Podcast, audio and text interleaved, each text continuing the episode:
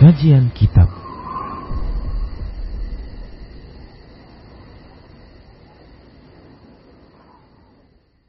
Bismillah, Assalamualaikum warahmatullahi wabarakatuh.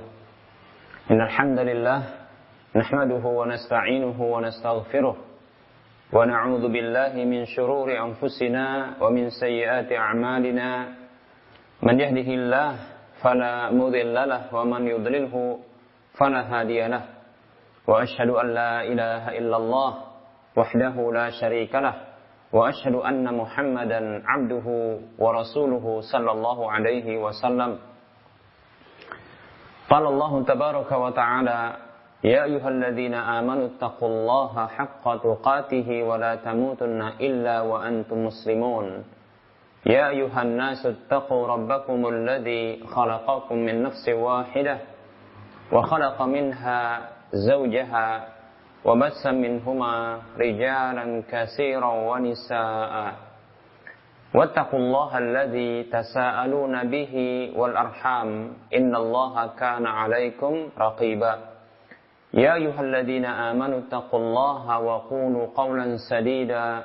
يصلح لكم أعمالكم ويغفر لكم ذنوبكم. ومن يطع الله ورسوله فقد فاز فوزا عظيما. أما بعد. فإن أحسن الكلام كتاب الله وخير الهدى هدى رسول الله صلى الله عليه وسلم وشر الأمور محدثاتها وكل محدثة بدعة وكل بدعة ضلالة وكل ضلالة في النار Para muslim, para hamba Allah Rahimani wa rahimakumullah Alhamdulillah kita bersyukur kepada Allah Subhanahu wa taala atas berbagai nikmat dan kebaikan yang telah kita dapatkan yang itu semua berasal dari Allah Subhanahu wa taala. Apabila kita bersyukur kepadanya, maka Allah tabaraka wa taala akan menambahkan nikmat-nikmatnya. Kemudian selawat dan salam tak lupa kita ucapkan untuk nabi kita tercinta Muhammad sallallahu alaihi wasallam. Kita berharap kepada Allah Subhanahu wa taala agar kita dijadikan sebagai pengikut setia beliau sampai akhir hayat kita. Para muslim rahimani wa rahimakumullah. Sebagai penyempurna dari pembahasan syahadatain dua kalimat syahadat yang pembahasan ini pada hakikatnya adalah bagian dari pembahasan tauhid uluhiyah itu mentauhidkan Allah Subhanahu wa taala di dalam ibadah. Yang di dalam dua kalimat syahadat ada syahadat at-tauhid yang diwakili dengan ungkapan tauhid atau kalimat tauhid la ilaha illallah. Seorang muslim atau seseorang bila mengucapkan dua kalimat syahadat ini yang diiringi dengan pembenaran hati kemudian diikuti dengan amalan anggota tubuhnya maka sesungguhnya dia adalah seorang muslim yang telah sempurna yang telah eh, sah menjadi seorang muslim. Nah, para muslim rahimani rahimakumullah, ternyata terdapat perkara-perkara yang apabila dilakukan maka ini bisa membatalkan dua kalimat syahadat tersebut. Membatalkan keislaman seseorang tersebut dan membatalkan keimanan. Oleh karenanya, uh, ada beberapa ungkapan untuk pembatal-pembatal dua kalimat syahadat ini. Seperti contohnya nawaqidul uh, Islam, nawaqidul iman, ya. Kemudian nawaqidul syahadatain yang sebahagian para ulama-ulama Islam di dalam kitab-kitab fikih mereka membahas masalah ini dalam ya bab ar-riddah yaitu kemurtadan.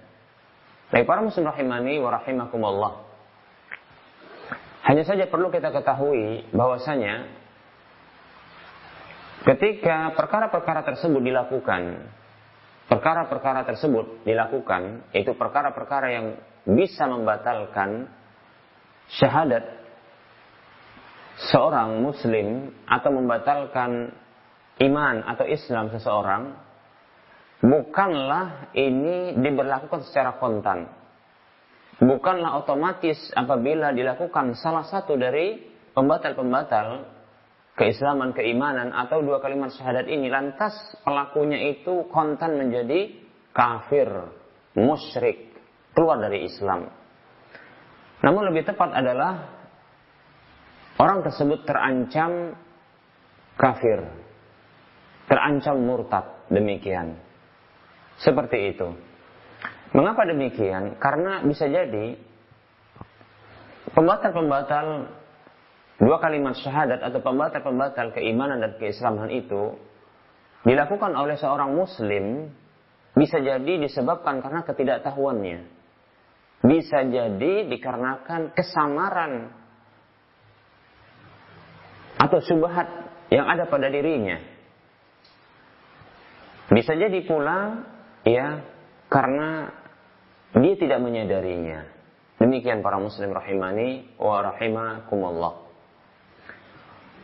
Perlu kita ketahui ada sebuah ungkapan yang disebutkan oleh para ulama yang menyebutkan mereka mengatakan seperti ini man waqa'a fil kufri la yalzam an yakuna kafiran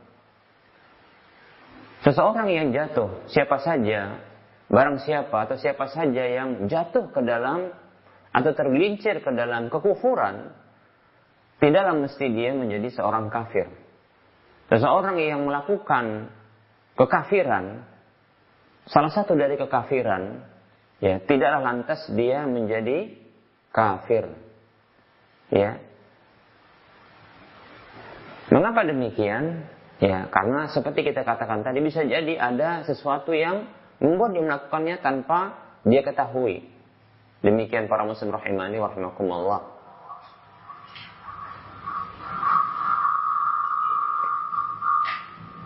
Baik, para muslim rahimani wa rahimakumullah.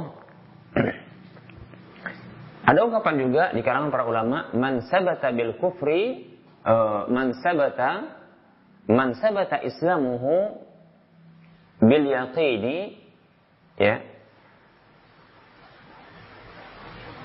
la yunza'u anhu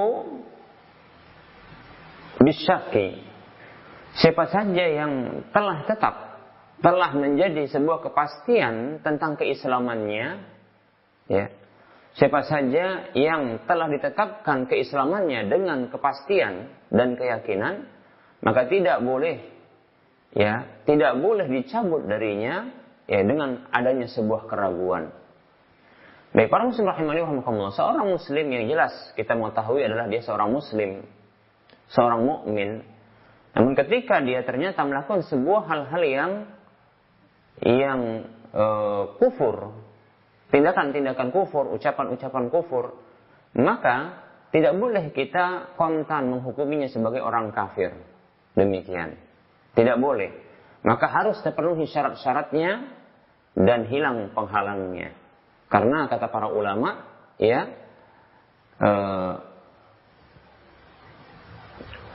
sebuah hukum, ya, menjadi sah apabila telah terpenuhi syarat-syaratnya dan hilang penghalang-penghalangnya. Ya. Sebuah hukum ya itu akan menjadi sah. Menjadi sah. Tatkala terpenuhi semua syarat-syaratnya dan hilang semua penghalang-penghalangnya.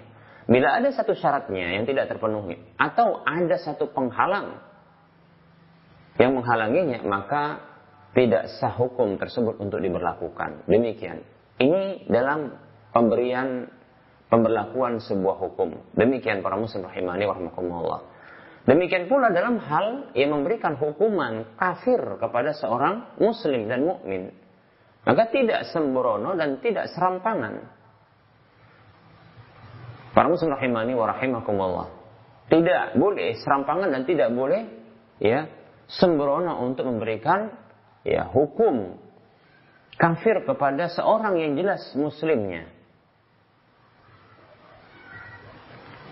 Karena bisa jadi kekafiran yang dia lakukan atau kesyirikan atau apa saja pembatal-pembatal keimanan keislaman yang dilakukan itu dikarenakan ketidaktahuannya.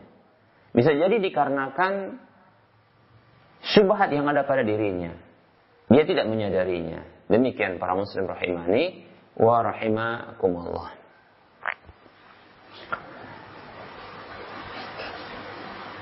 Rasulullah Shallallahu Alaihi Wasallam bersabda dalam sebuah hadis yang diriwayatkan oleh Imam Ibnu Majah dan yang lainnya dengan derajat yang hasan. Nabi kita Muhammad sallallahu alaihi wasallam bersabda, "Inna Allah tajawaza an ummatin khata'a wa nisyana wa mastukrihu alaihi." Sesungguhnya Allah Subhanahu wa taala sesungguhnya Allah Subhanahu wa taala memaafkan dari umatku untukku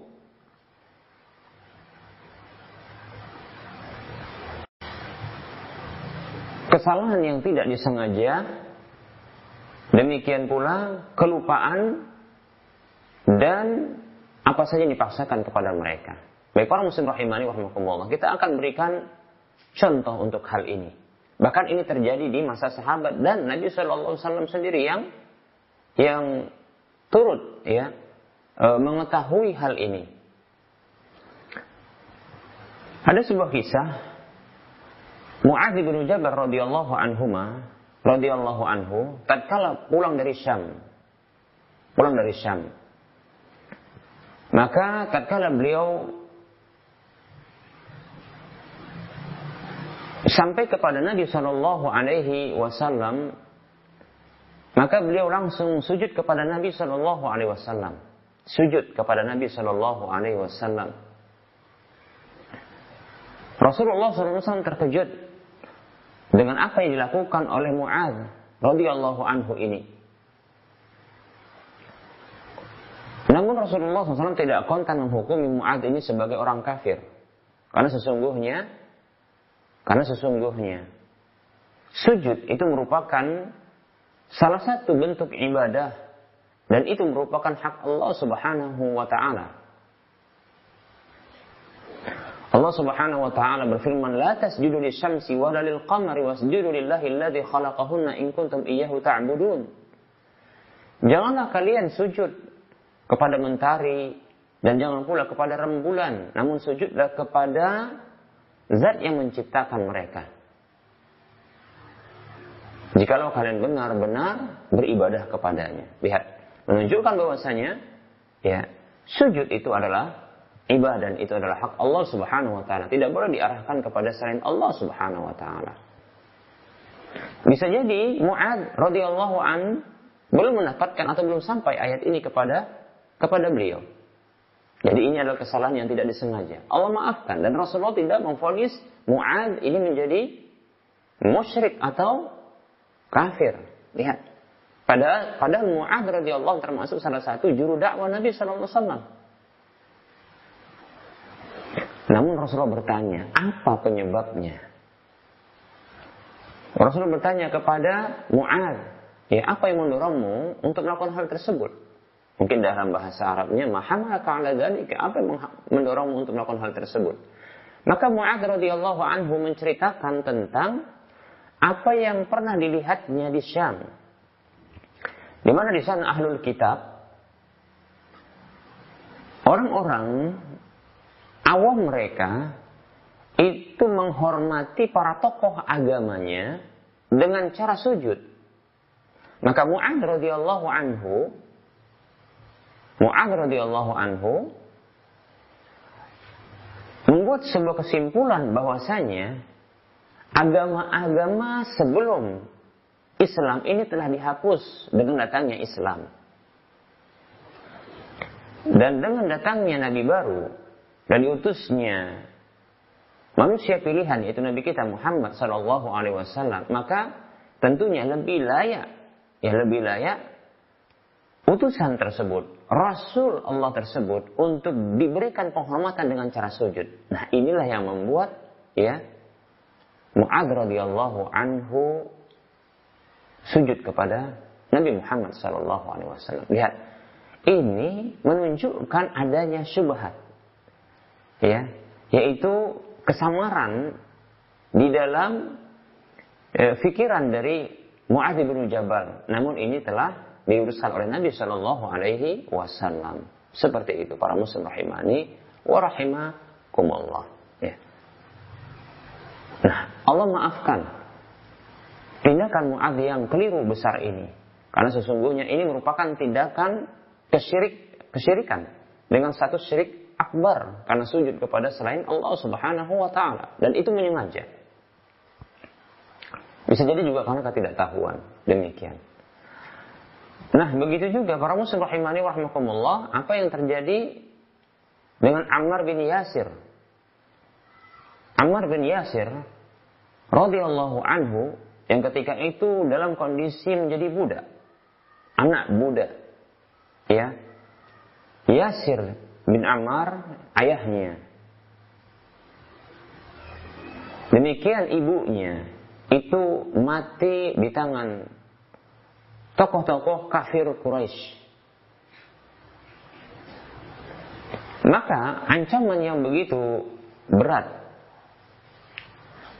yang ini menakutkan Ammar bin Yasir yaitu ancaman kematian bila dia tidak mengungkapkan ungkapan kekufuran keluar dari agama Muhammad Sallallahu Alaihi Wasallam, maka ancaman kematian akan didapatkan oleh Ammar bin Yasir radhiyallahu anhu. Lebih-lebih dia melihat bagaimana ibunya mati ditombak, demikian pula ayahnya telah menjadi syahid. Dan ini menyebabkan Ammar bin Yasir tentunya mengalami ketakutan. Akhirnya dia melakukan sebuah ungkapan atau mengungkapkan sebuah ungkapan yang ini menunjukkan dia telah keluar dari Islam secara lisan, yaitu tindakan kekufuran dengan kufur akbar. Demikian. Namun itu bukanlah sebuah hal yang diinginkan. Bukanlah sebuah hal yang diinginkan oleh Ammar bin Yasir karena sesungguhnya hatinya sesungguhnya masih dalam kondisi beriman. Itu hanya ungkapan.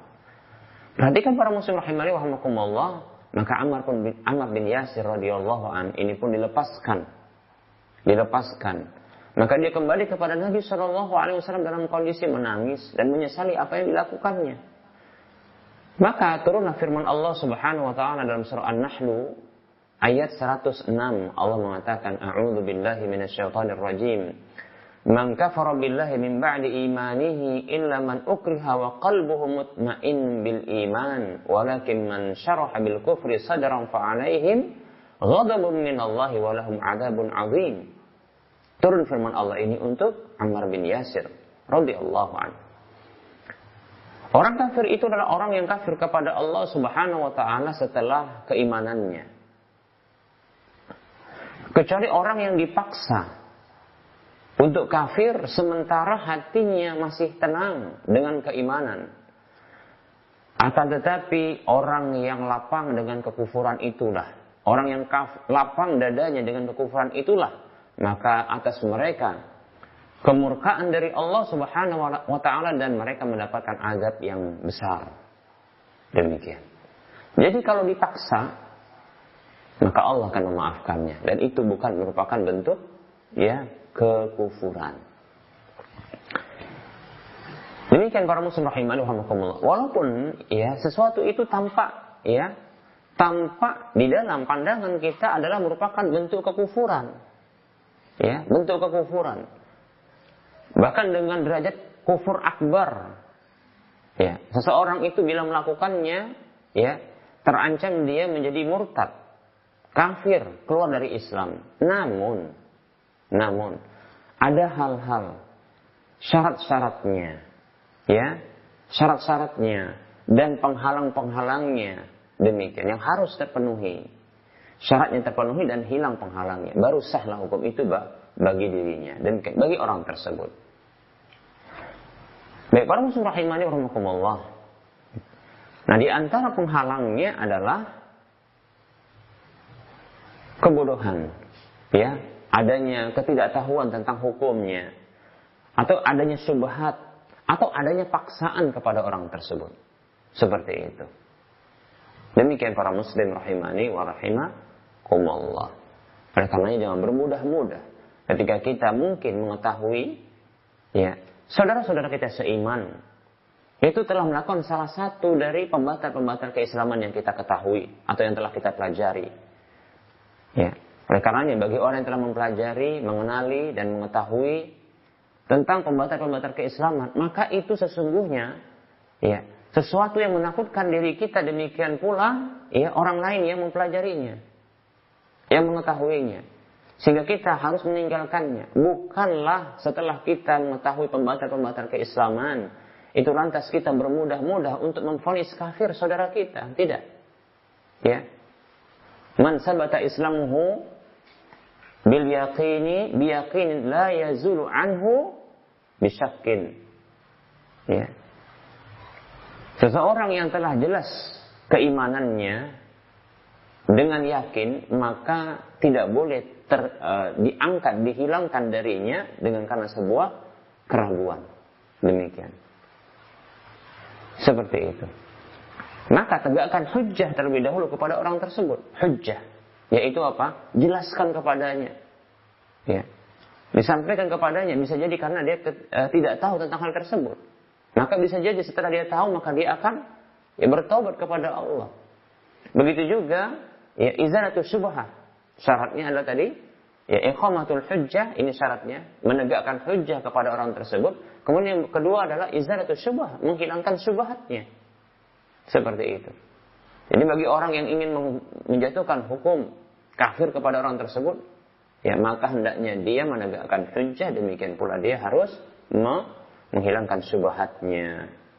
Dan pastikan orang tersebut bukanlah karena dalam kondisi terpaksa. Begitu. Demikian para muslim rahimani wa rahimakumullah. Ya. Baik, kembali kita uh, ingatkan bahwasanya ketika kita mempelajari tentang pembatal-pembatal keislaman, pembatal-pembatal keimanan, pembatal-pembatal dua kalimat syahadat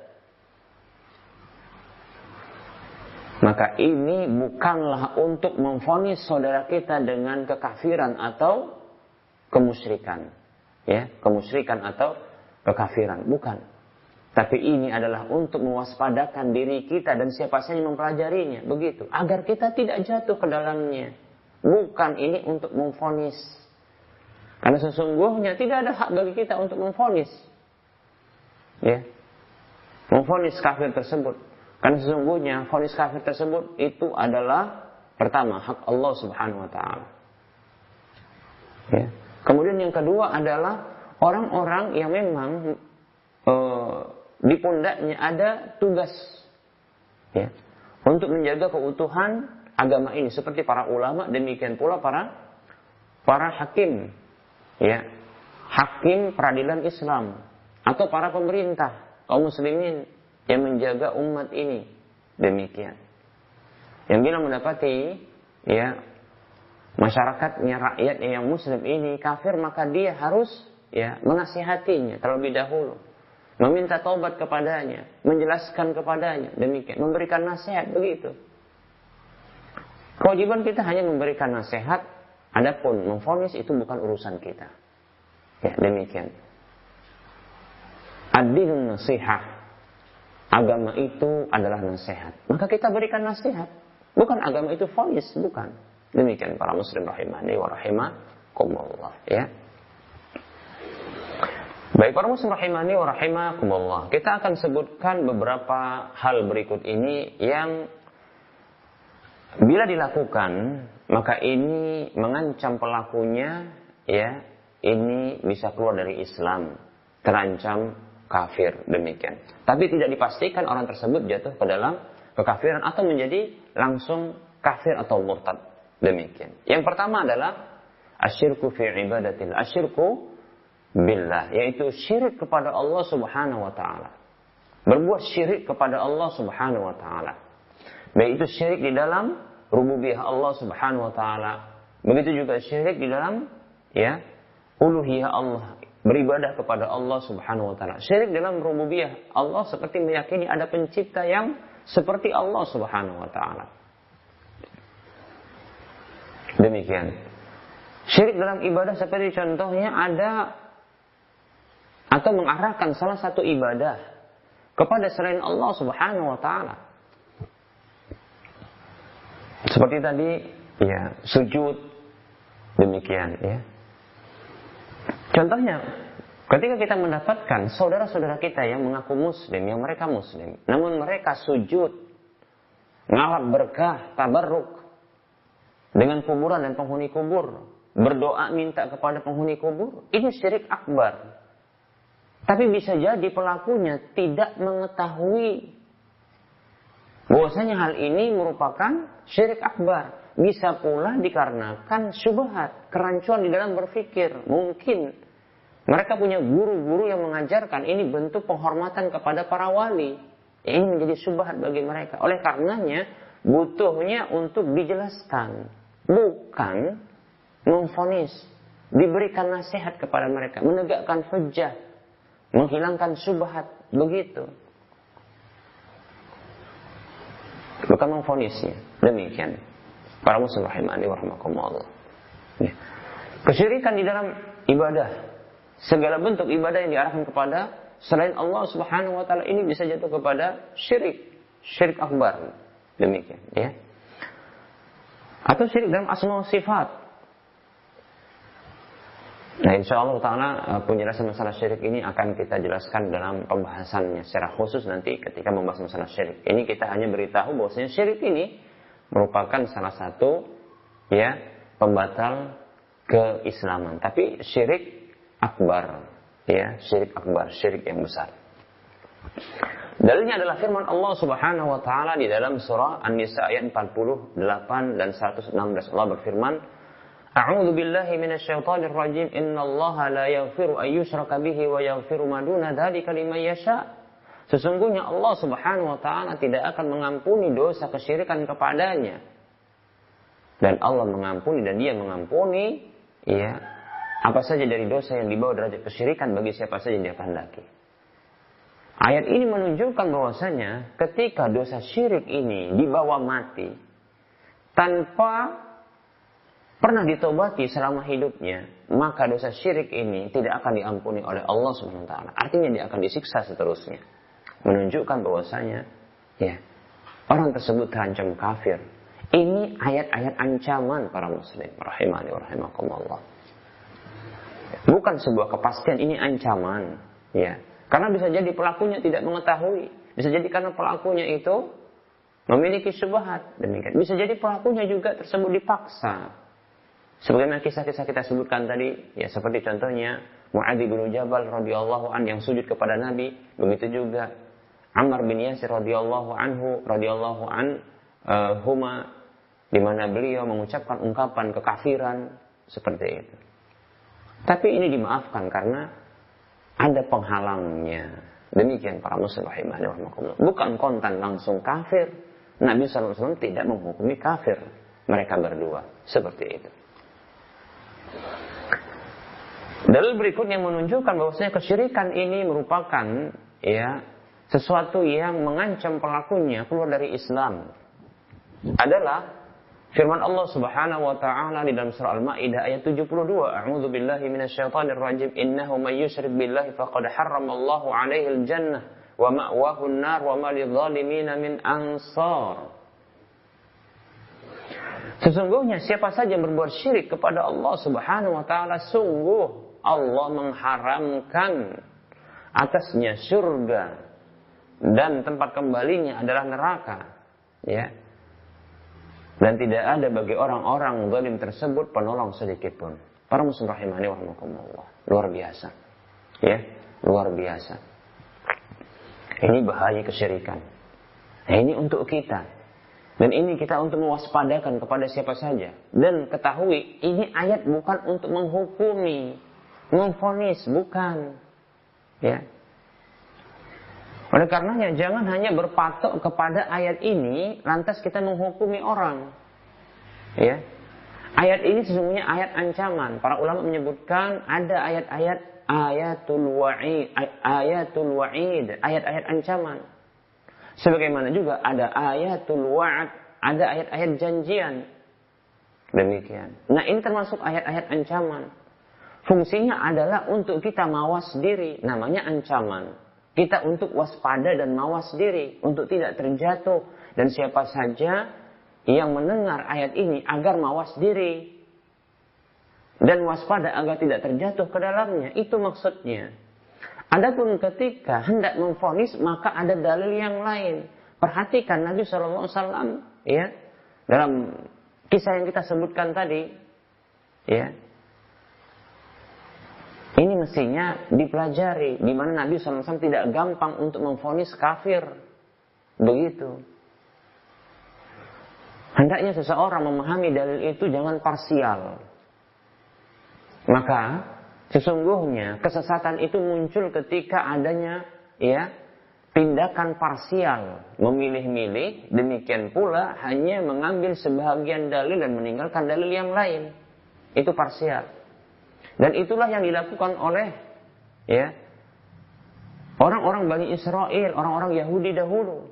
Yu'minuna bi ba'dil kitab wa yu uh, wa yakfuruna bi ba'd. Mereka ini ya beriman dengan sebagian kitab. Sebagian dari kitab itu sebagian isi kitab, kitab suci yang Allah turunkan kepada mereka dan mereka mengkufuri sebagian dari yang lainnya. Demikian. Jangan demikian, tapi harus kita ya keseluruhan ya dalam memahami dalil-dalil yang datang dan, e, tentang masalah ini. Demikian para muslim rahimahni warahmatullah. Mungkin ada yang menuduh ketika seperti ini Anda punya pemahaman irja. Anda murjiah. Kita katakan tidak. Tidak. Ya. Tidak demikian. Kita memberikan udur, kita memberikan ya udur tidak memberikan hukum kepada orang tersebut karena memang syariat itu mah ya. Menekankan demikian Allah Subhanahu wa taala memberikan udur kepada Ammar bin Yasir radhiyallahu anhu Nabi SAW memberikan udur kepada Mu'adz bin Jabal karena ketidaktahuan kepada Ammar bin Yasir. Allah memberikan udur tidak memberikan vonis kafir karena paksaan begitu. Jadi jangan mudah ya untuk mengkafirkan. Demikian. Ya. Ketika ada seorang muslim, saudara kita jatuh kepada sebuah tindakan, ucapan, ya, atau keyakinan yang dilafatkan oleh dia. Yang itu merupakan kekufuran dengan status kufur akbar, kafir akbar, atau syirik akbar. Jangan cepat-cepat mengeluarkannya, memfonisnya menjadi kafir atau murtad. Jangan. Karena bisa jadi dia tidak tahu. Bisa jadi dia dipaksa. Bisa jadi ada syubhat. Semestinya adalah ketika kita mendapatkan hal demikian dari saudara kita, kita memberikan nasihat kepadanya. Ad-dinun nasihat, agama itu nasihat. Demikian pula Nabi SAW malah bertanya. Ya. Maka kita mencontoh Nabi tanyakan mengapa kamu melakukan hal tersebut? Apa yang mendorong melakukan hal tersebut? Oh saya mungkin dia akan menyatakan, oh guru saya mengatakan demikian. Nah ini sebabnya. Karena kesalahpahaman. Karena ternyata dia mendapatkan pengajaran dari gurunya. Ini subhat. Bisa jadi juga karena ketidaktahuan. Begitu. Ingat saudaraku. Ya. Ingat sebuah hadis. Ya. Yang Nabi Shallallahu Alaihi Wasallam bersabda, "Man qana li akhihi ya kafir faqad ba'a bihi ahaduhuma." Eh, faqad ba'a bihi ahaduhuma. Hadisnya riwayat Bukhari atau Muslim, ya. Yang jelas di salah satu dari keduanya.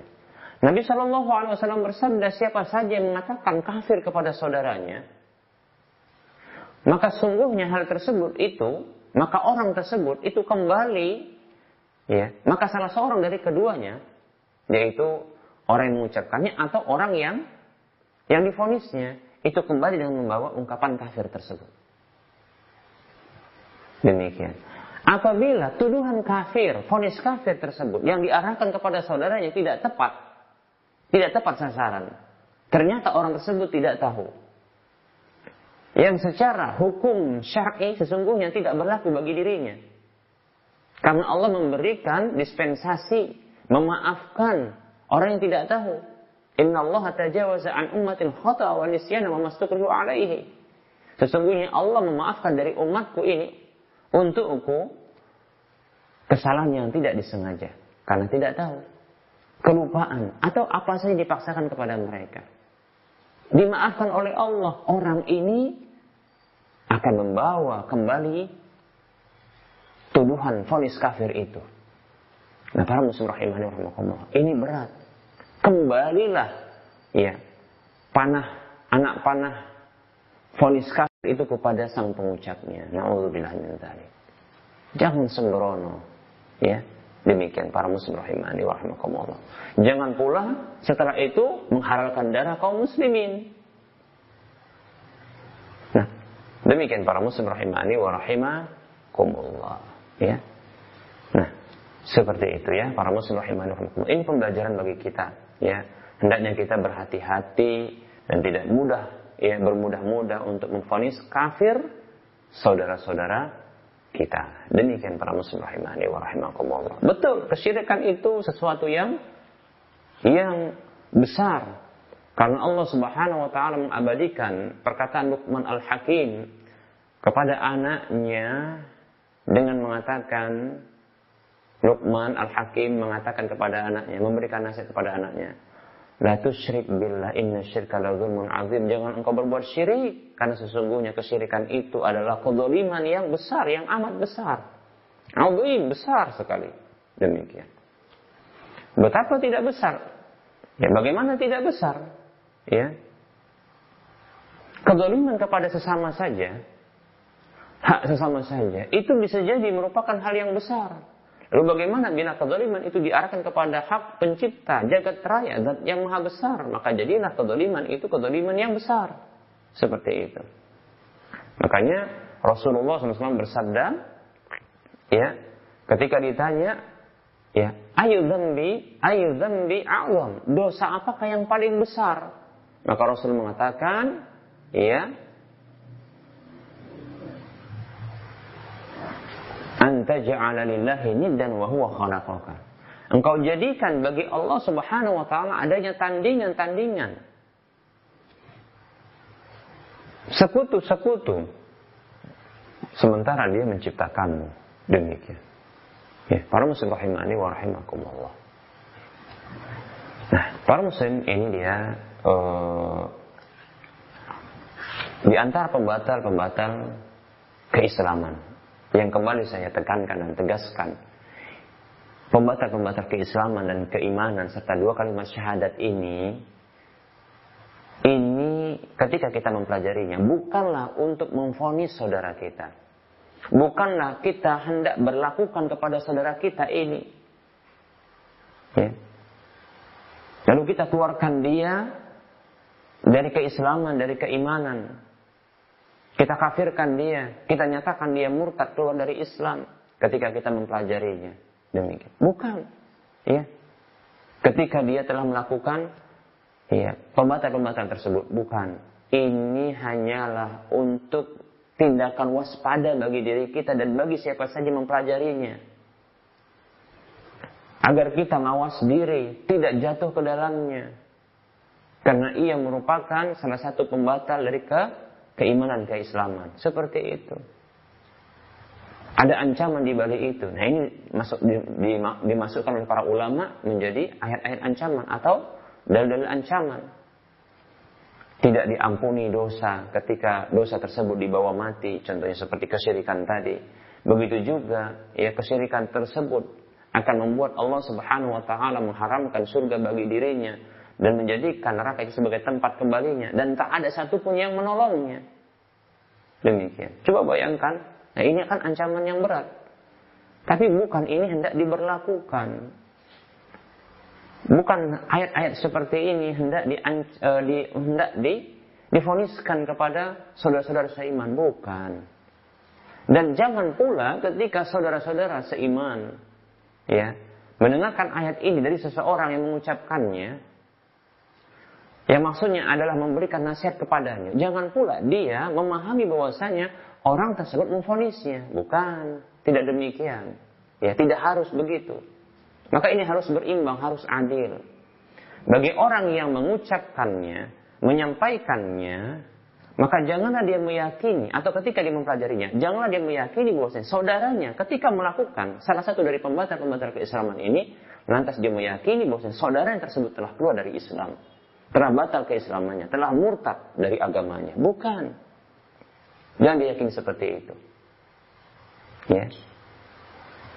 Tapi ini, ini adalah untuk dirinya dan untuk orang-orang yang yang mempelajari pembatal keislaman ini agar mawas diri dan waspada untuk tidak terjatuh ke dalamnya dan tidak melakukannya seperti itu. Kemudian bagi saudara-saudara seiman, saudara-saudara seislam yang mereka mendapatkan nasihat dari saudaranya juga yang seiman.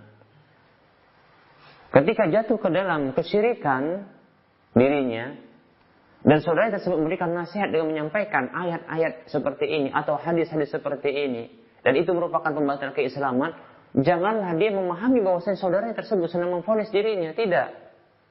Ya. Kecuali telah tampak nyata dalam lisannya. Seperti itu. Dia memfonis maka cukup maafkan dia. Karena dia sesungguhnya pun tidak tahu. Dan ambillah itu sebagai sebuah nasihat bagi dirinya. Ya. Seperti itu. Terima nasihat walaupun pahit. Seperti itu. Terima nasihat walaupun itu sebuah hal yang pahit bagi kita. Tapi itu nasihat. Ya. Dan jangan yakini bahwa kita ini sedang kafir. Karena bisa jadi karena ketidaktahuan seperti itu. Ya. Baik para muslim rahimani rahimakumullah, saya kira penyampaian materi kita ya kita cukup sampai di sini dulu dan insya Allah taala kita akan masih lanjutkan ya beberapa pembatal-pembatal keislaman yang bila dilakukan oleh seorang muslim mukmin maka dia terancam keluar dari Islam. Terancam, bukan pasti keluar dari Islam, terancam. Seperti itu. Ini bahasa yang tepat. Demikian ya. Seperti itu agar kita waspada Baik para muslim rahimani warahmatullah, kita akan lanjutkan dengan sesi soal jawab.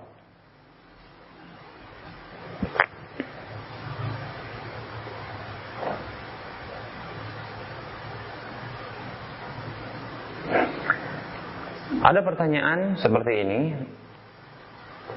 Assalamualaikum warahmatullahi wabarakatuh. Waalaikumsalam warahmatullahi wabarakatuh. Semoga Allah Azza wa Jalla selalu menjaga Ustadz dan keluarga serta memberi rahmatnya untuk kita semua. Amin. Maaf Ustaz, saya mau bertanya tentang pembagian hak waris. Di keluarga kami ada ibu bibi, ya maksudnya bibi, ya. Bibi saya yang sudah lama meninggal dan memiliki satu buah rumah bersama dengan suaminya.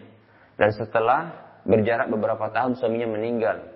Tapi sebelum meninggal, suaminya sakit dan dirawat oleh pihak keluarga suami. Bagaimana pembagian hak warisnya dan siapa saja yang berhak mendapatkan warisnya? Dan dari pemba uh, dan dari pembagian harta uh, dan dari pembagian harta siapa yang membayar uang perawatan suami selama dia sakit? Jazakallahu khaira barakallahu fikum. Dan mereka tidak memiliki anak Ustaz. Baik. Uh, Tentunya ini harus dilihat ya. Bila dimaksudkan yang ditanyakan adalah uh, adalah uh, siapa saja ahli waris dari sang bibi tersebut, ibu ya, panggilan ibu untuk bibi ya, demikian. Maka tentunya ketika sang ibu meninggal dunia, si bibi ini ya, ahli warisnya adalah ya ahli warisnya adalah suami. Demikian pula orang tuanya bila ada orang tuanya begitu juga eh, saudara-saudara kandungnya. Karena tidak punya anak tadinya kan begitu. Seperti itu. Saudara-saudara kandungnya. Ya demikian. Permasalahannya harta yang ditinggalkan adalah berupa rumah. Disebutkan tadi ya. Nah rumah ini milik siapa Nah, kalau kalaulah contohnya sang ibu ini, yaitu bibi ini, ketika hidup bersama suaminya, dia tidak memberikan sedikit pun uang atau hartanya untuk membangun rumah tersebut, maka sesungguhnya rumah yang ditinggalkan ini bukanlah ya ada hak sang ibu tersebut atau bibi tersebut. Karena ternyata pembangunan rumah tersebut ya dari suami tentu seperti itu. Kecuali kalau ada sumbangsi dana yang diarahkan oleh sang ibu itu atau bibi tersebut ya e, untuk pembuatan rumah atau pembangunan rumah. Kalau tidak ada maka tidak ada hak. Tidak ada hak bagi sang ibu atau bibi tersebut ya terhadap rumah. Sehingga ahli warisnya pun tidak berhak. Karena itu rumah-rumah suaminya. Ya, dari dari sisi ini ya sang bibi ini tidak memiliki ya harta warisan dari rumah tersebut. Ya, karena rumah itu bukan miliknya, tapi milik suaminya. Ingat, harus diketahui bahwasanya harta suami bukan harta istri, sebagaimana harta istri bukanlah harta suami, seperti itu. Demikian, ya. Dalam Islam seperti itu. Tidak ada ya harta suami itu harta istri, harta istri harta suami harta suami bukan harta istri, tapi istri berhak untuk mendapatkan ya nafkah dari suami. Seperti itu. Tapi harta suami bukanlah dimiliki oleh istri. Demikian, ya. Harta istri juga bukan harta suami. Tapi boleh bagi sang istri untuk memberikan kepada suami. Demikian. Seperti itu ya. Nah, bila tidak ada sumbangsi dana untuk pembuatan rumah tersebut dari sang istri, maka rumah itu adalah milik suami. Demikian. Lebih-lebih sang istri ini wafatnya lebih dahulu ketimbang ya suaminya. Di antara syarat keberhakan untuk mendapatkan harta warisan adalah adanya kepastian hidup ahli waris ketika si mayat meninggal dunia. Nah di sini ya ternyata sang istri lebih dahulu meninggal dunia sehingga tidak mendapatkan harta warisan dari sang suaminya karena suaminya menyusul beberapa waktu meninggal dunia. Seperti itu. Artinya pihak-pihak dari keluarga istri tidak berhak terhadap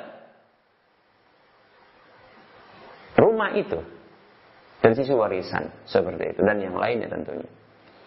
Kalau ditanya tadi, bagaimana tentang biaya pengobatan sang suami ketika sakit dirawat oleh pihak keluarga suami? Maka tentunya, ya, karena sang suami ini punya harta walaupun berupa rumah, maka boleh ya. Sebahagian e, keluarganya, keluarga dari suami tersebut untuk mendahulukan uangnya dalam bentuk hutang tentunya ya untuk e, perobatan dari sang suami ini. Nanti berikutnya bisa dibayar dari harta sang suami. Ternyata sang suami meninggal dunia, maka biaya perobatan itu bisa diambil dari harta warisannya dan itu terhitung hutang. Ya. Dan hutang itu lebih dahulu untuk diselesaikan ketimbang warisan. Nah, berikutnya setelah nanti warisan tersebut, warisan tersebut uh, ada sisa dari penjualan rumah, maka baru dibagi kepada ahli waris sang suami ini, ya, seperti itu. Kepada siapa? Kalau ada orang tuanya, maka orang tuanya. Ya, orang tuanya. Ibunya mendapat sepertiga kalau ada ibunya, kemudian ayahnya dapat seperenam, demikian. Ya, karena anak tidak ada, ya. Kemudian saudara-saudaranya yang laki-laki maupun yang perempuan ini menghabiskan sisa harta tersebut. Ya, sisa harta tersebut. Setelah dibagikan kepada kedua orang tua. Ya, maka saudara-saudara kandung yang baik laki-laki atau perempuan itu menghabiskan sisa harta tersebut dengan pembagian laki-laki dua kali bagian dari perempuan seperti itu. Demikian. Wallahu taala a'lam.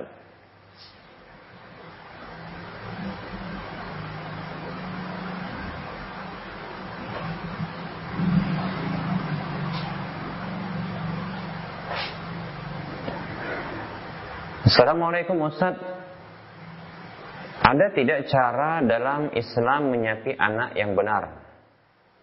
Apa ada doa-doa tertentu supaya anak lupa untuk tidak menyusul lagi? Jazakallahu khairan. Waalaikumsalam warahmatullahi wabarakatuh. Uh, sependek yang saya ketahui, sedangkal yang saya pelajari ya dan sedikit dari buku yang pernah saya buka dan saya bacai saya belum pernah mendapatkan ya eh, cara dalam Islam secara khusus begitu ya untuk menyapih anak. Menyapih itu artinya memisahkan anak tersebut dari uh, susuan. Tentunya setelah dua tahun kan begitu ya. Saya belum pernah mendapatkan. Mungkin bisa ditanya kepada ustadz yang lain. Apakah ada doa? Saya juga tidak mengetahui ada doa seperti itu. Tapi artinya bisa juga orang tua mendoakan anak tersebut, ya. Tapi dengan doa yang mutlak tentunya, ya. Seperti itu. Ada pun cara-cara ya yang bisa dilakukan dan ini berlaku di masyarakat kita ya seperti maaf itu e, mungkin mengoleskan sesuatu yang rasanya pahit e, di puting sang ibu tersebut ya sehingga si anak tersebut ketika dia merasakan pahitnya dia tidak ingin lagi ya tidak ingin lagi untuk menyusu demikian. Tentunya setelah dua tahun sempurna ya. Demikian ya. Atau mengalihkan dengan e, makan makanan yang lain yang tentunya lebih variatif. Rasanya begitu. Dan anak secara e, alami insya Allah taala dia akan apa namanya dia akan e, secara alami ya tabiat begitu yang Allah ciptakan itu lebih menyukai yang variatif ya seperti itu. Lebih banyak rasanya. Nah itu bisa. Demikian. Wallahu taala alam. Yang jelas ya sependek yang saya ketahui ini saya belum pernah mendapatkan baik cara ataupun doanya. Ya jazakallahu khairan wa, wa anta fa jazakallahu khairan. Demikian. Wallahu a'lam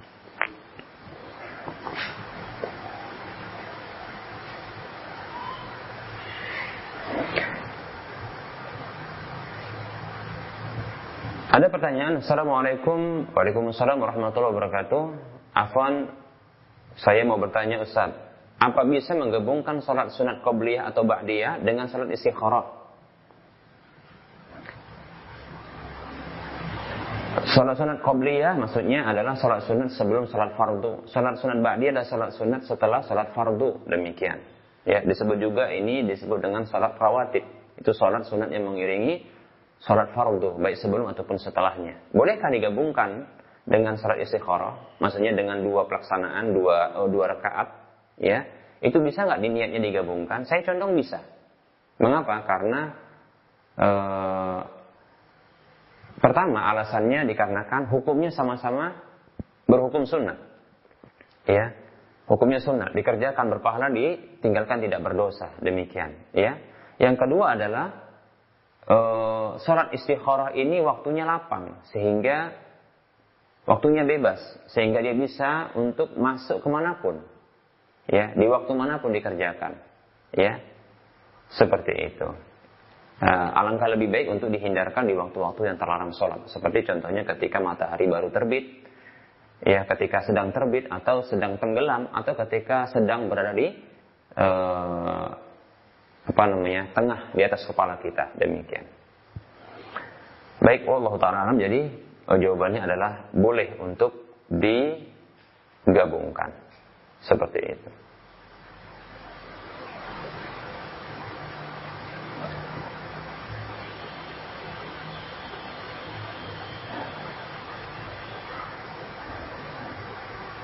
Baik kita beralih kepada pertanyaan yang lain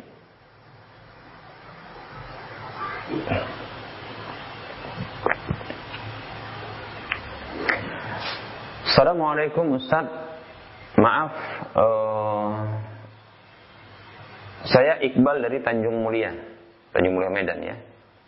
Ustaz saya mau bertanya Apa benar surat An-Nisa ayat 97 sampai 99 ditujukan untuk kaum muslimin yang tidak berhijrah Dan akhirnya mereka terbunuh dalam perang badar Semoga Allah SWT memberikan keberkahan dan lindungannya kepada antum wa anta kadzalik. Baik kita akan jawab Waalaikumsalam warahmatullahi wabarakatuh. Uh, jawabannya adalah benar ya bahwasanya itu terkait dengan uh, orang muslim yang berada di Mekah yang ternyata mereka ya ikut berperang bersama dengan orang-orang kafir dalam perang Badar untuk menyerang kaum muslimin karena mereka terfitnah atau kita katakan apa namanya uh, ter apa namanya ya terfitnah ya karena khawatir begitu. Baik para muslim rahimani wa rahimakumullah. Imam Qurtubi rahimahullahu taala ya beliau memberikan ya penjelasan terhadap ayat tersebut. Beliau mengatakan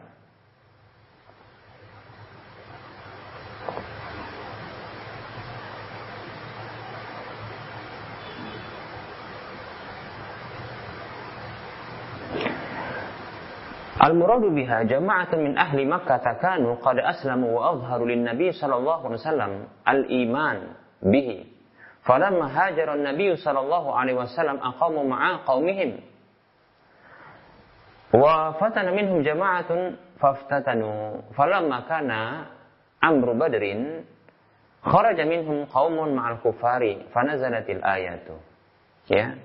Kata beliau, ya, yang dimaksudkan dengan ayat tersebut adalah adanya sekelompok dari penduduk Makkah yang mereka ini telah masuk Islam dan mereka menampakkan keimanan ya kepada Nabi Shallallahu Alaihi Wasallam. Tatkala Nabi Shallallahu Alaihi Wasallam itu hijrah, ya, maksudnya hijrah ke Madinah, maka mereka masih menetap, ya, di Makkah bersama dengan kaum mereka. Ternyata sebahagian dari mereka ada yang terfitnah ya. Ketika diajak untuk perang Badar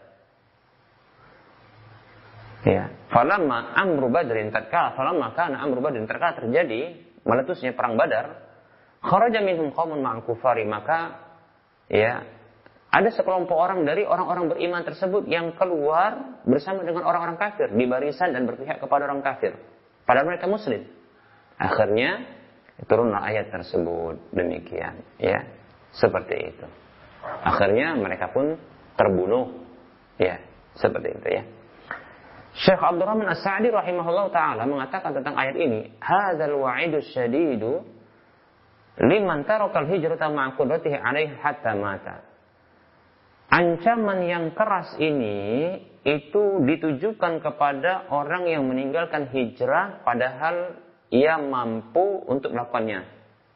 Sampai ternyata ia mati ya ketika mati menjemput kematian itu menjemputnya demikian seperti itu.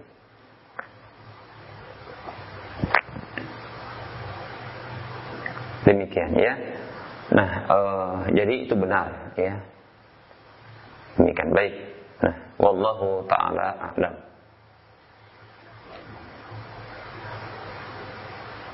Baik, kita beralih kepada pertanyaan yang lain.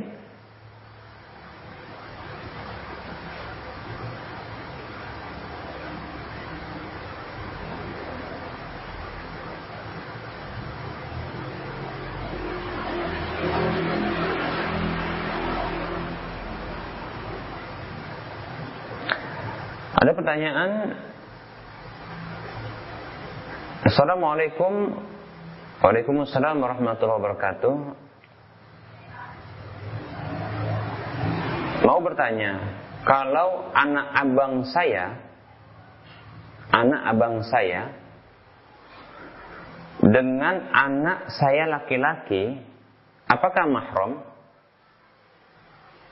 Anak abang dengan anak sendiri yang berbeda jenis tentunya ya. Berarti ini sepupuan ya, sepupuan. Apakah ini mahram? Mahram artinya adalah uh, haram untuk menikah, ya, bukan muhrim. Nah ini istilah di masyarakat yang uh, keliru, ya, yang keliru di tengah masyarakat kita yang menamakan ya Eh, orang-orang yang haram untuk dinikahi dengan muhrim. Padahal muhrim itu artinya adalah orang yang ihram. Ya, demikian.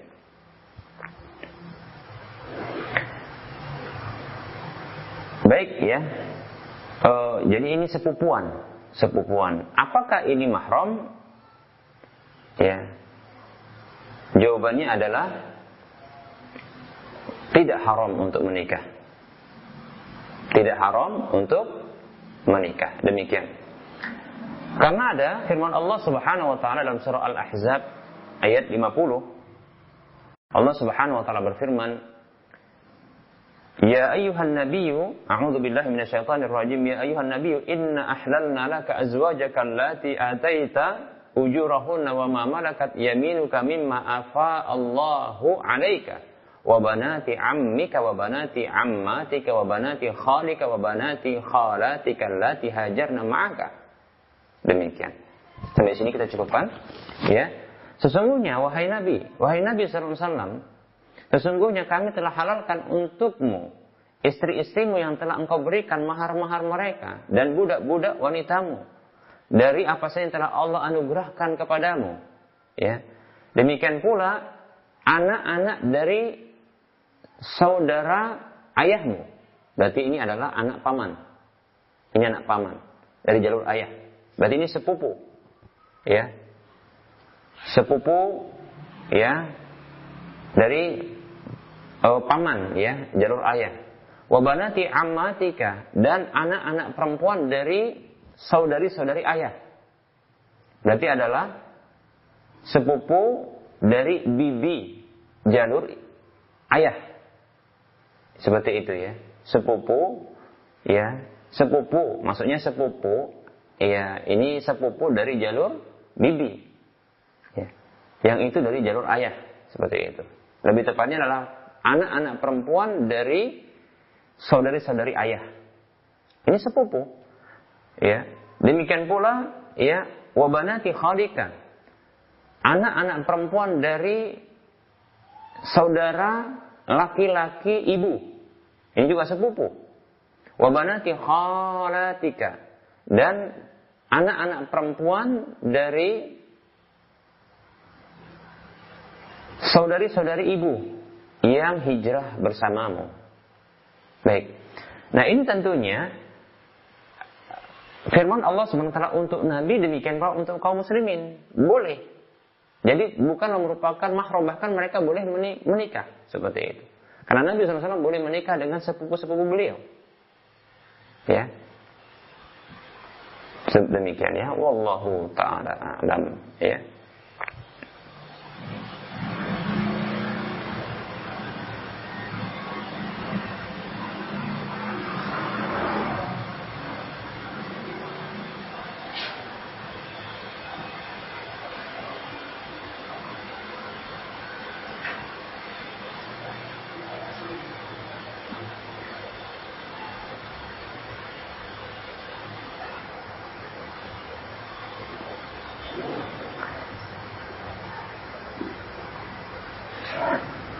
Assalamualaikum Ustaz. Waalaikumsalam warahmatullahi wabarakatuh. Saya mau bertanya Bagaimana tata cara sholat jenazah Sesuai dengan ajaran Rasulullah Sallallahu Alaihi Wasallam? Apakah ada ikomat sebelum sholat? Mungkin ini pertanyaannya Yang lebih khusus yaitu Apakah ada ikomat sebelum sholat? Apakah harus berdoa selepas, selepas sholat jenazah? Apakah harus azan dan berdoa ketika mayat dikebumikan? Terima kasih Ustaz. Barakallahu fiqh Waalaikumsalam warahmatullahi wabarakatuh.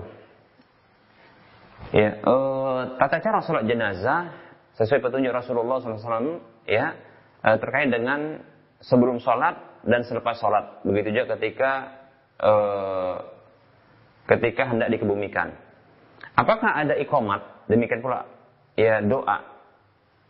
Maka saya tidak pernah mendapatkan dalil. Ini kembali saya katakan ini sependek ilmu saya ya saya tidak pernah mendapatkan dalil yang menunjukkan adanya ikomah sebelum sholat. Ikomah sebelum sholat. Komat sebelum sholat. Ya, sholat jenazah. Demikian. Ya. Seperti itu. Uh, dan prinsipnya adalah sabda Nabi Shallallahu Alaihi Wasallam Man amila amalan laisa ali amruna fahuwa raddun. Siapa saja beramal dengan sebuah amalan yang tidak ada perintah kami padanya maka tertolak. Hadisnya riwayat Muslim. Nah tentunya bagi siapa saja yang ingin amal yang diterima maka dia harus mendatangkan perintah Nabi Shallallahu Alaihi Wasallam. Ketika tidak didapatkan hadis tentang masalah tersebut maka ya maka di sini tidak perlu dilakukan demikian ya. Nah bagi orang yang melakukan adanya ikomat sebelum sholat jenazah maka orang tersebut wajib mendatangkan dalilnya agar itu diterima oleh Allah Subhanahu Wa Taala demikian ya. Bagi orang yang tidak mendapatkan dalilnya, maka inilah memang asalnya. Dia tidak melakukannya. Seperti itu. Begitu juga ya doa setelah sholat. Nah tidak didapatkan dalil untuk hal tersebut. Ya tidak ada dalil yang saya dapatkan tidak ada dalil ya untuk hal tersebut. Sehingga ya orang-orang yang komitmen dengan hadis Nabi SAW ya tidak mendapatkan dalil. Lebih-lebih ternyata di dalam sholat itu sudah ada doa. Lalu mengapa lagi harus ada doa ketika ya selepas sholat demikian. Lebih-lebih ya Rasulullah SAW bersabda asri'u bil janazati. Segerakanlah penyelenggaraan jenazah itu demikian. Kemudian apakah harus ada adzan ya dan doa ketika mayat dikebumikan? Baik. Adapun adzan saya tidak dapati dalilnya. Adapun adzan saya tidak dapati dalilnya ya mengharuskan ada azan ketika hendak menguburkan jenazah. Ya. Pertama kita tahu bahwasanya azan itu adalah fungsinya azan adalah mengumandangkan waktu masuknya sholat atau memberitahu iklan pemberian uh, apa iklan untuk pemberitahuan tentang waktu masuk uh, masuk waktu sholat. Kemudian kedua adalah mengundang orang untuk sholat. Demikian. Nah sekarang waktu masuk uh, sholat waktu sholat yang mana yang masuk ketika azan uh, ketika sedang menguburkan jenazah? Kita ulangi. Wak, uh, waktu sholat manakah yang masuk yang telah masuk ketika jenazah itu dikuburkan? Kemudian siapa yang harus diundang dalam sholat ini? Uh, apa namanya? Dalam dalam azan ini untuk sholat nah seperti itu apakah orang ini yaitu jenazah tersebut akan sholat nantinya dan padahal dia sudah disolatkan Nah ini ya kita katakan secara logika demikian ya. Makanya tidak masuk akal ya kalau seandainya diazankan. Adapun doa ketika mayat itu telah dikebumikan, ya maka bahkan ketika sedang dikebumikan, ya itu memang ada prosesi. Seperti contohnya memasukkan jenazah tersebut dari arah kakinya, memang itu ada hadisnya. Begitu juga ketika meletakkan nanti jenazah tersebut di kubur apa di di liang kuburnya maka ini juga ada bacaannya bismillahi ya wa ala rasulillah ya. Seperti itu ya. Ini bacaannya ini zikirnya seperti itu. Adapun setelah dikebumikan ya selesai dan ditinggikan kuburan tersebut sejarah satu jengkal dari uh, dataran tanah ketika itu tingginya sejengkal maka setelah selesai maka Sesungguhnya ada hadis Nabi Shallallahu Alaihi Wasallam dari Utsman bin Affan radhiyallahu anhu, ya, ia mengatakan, ya, bahwasanya, ya, karena Nabi Shallallahu Alaihi Wasallam idza faragha min dafnil mayyiti waqafa alaihi. Dahulu Nabi SAW tatkala beliau selesai menguburkan jenazah, maka beliau berdiri di sisi kuburan. Faqala lalu beliau bersabda sallallahu alaihi wasallam. Ya. Istaghfiru li akhikum wa lahu bitasbit. Mohonkanlah ampun untuk sahabat kalian ini. Saudara kalian ini. Dan mintakanlah kepada Allah Subhanahu wa taala untuknya berupa tasbit yaitu kekokohan, kemampuan di dalam menjawab pertanyaan mungkar dan nakir. Fa innahu al-ana yus'alu. Karena sesungguhnya sekarang ini dia sedang akan ditanyai. Demikian. Seperti itu. Hadisnya saya ya disebutkan dalam salah satu ashabus sunan. Demikian. Seperti itu ya. Wallahu ta'ala alam wa fiq barakallah.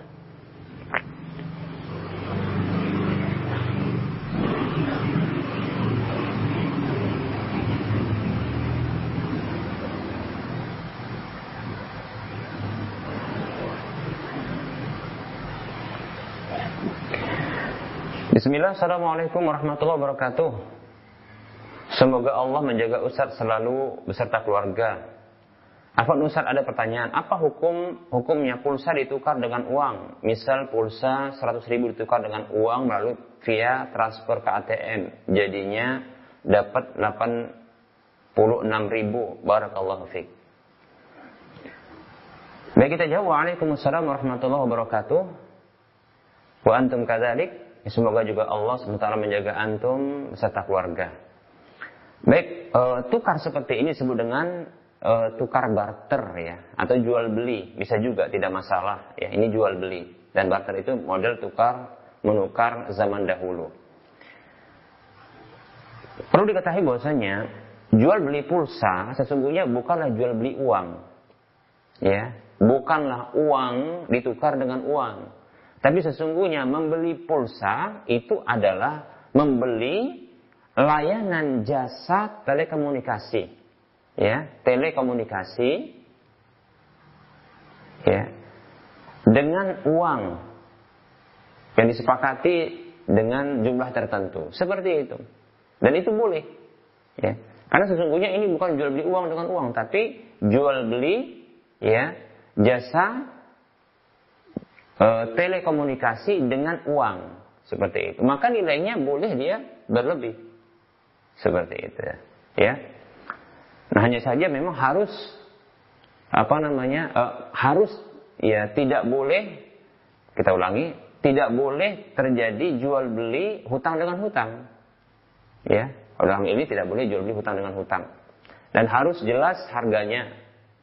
Dan berapa pula ya nominal dari uh, jasa tersebut. Kalau berupa ini apa berupa apa pulsa maka harus jelas dia. 86 ribu ini yang berapa nilai uh, pulsa berapa seperti itu bila sudah jelas dan tidak ada jual beli hutang dengan hutang itu terhutang uang terhutang barang nah, seperti itu maka ini jelas insya Allah taala nah biasanya tentunya ketika pesan ya pesan pulsa beli pulsa biasanya di sini pulsa terlebih dahulu yang ditransfer, yang dikirim, ya. Nanti baru menyusul uang. Bisa juga contohnya uang dulu yang dikirim nanti baru pulsa akan datang. Ini tidak masalah. Ya. Wallahu taala alam wa fiq barakallah. Barangkali ini yang bisa kita sampaikan. Mohon maaf atas segala kekurangan dan kesalahan. Ya. Kepada Allah saya mohon ampun atas kesalahan, kekeliruan dan e, kekurangan. Kepada para pemirsa dan para pendengar sekalian saya mohon maaf.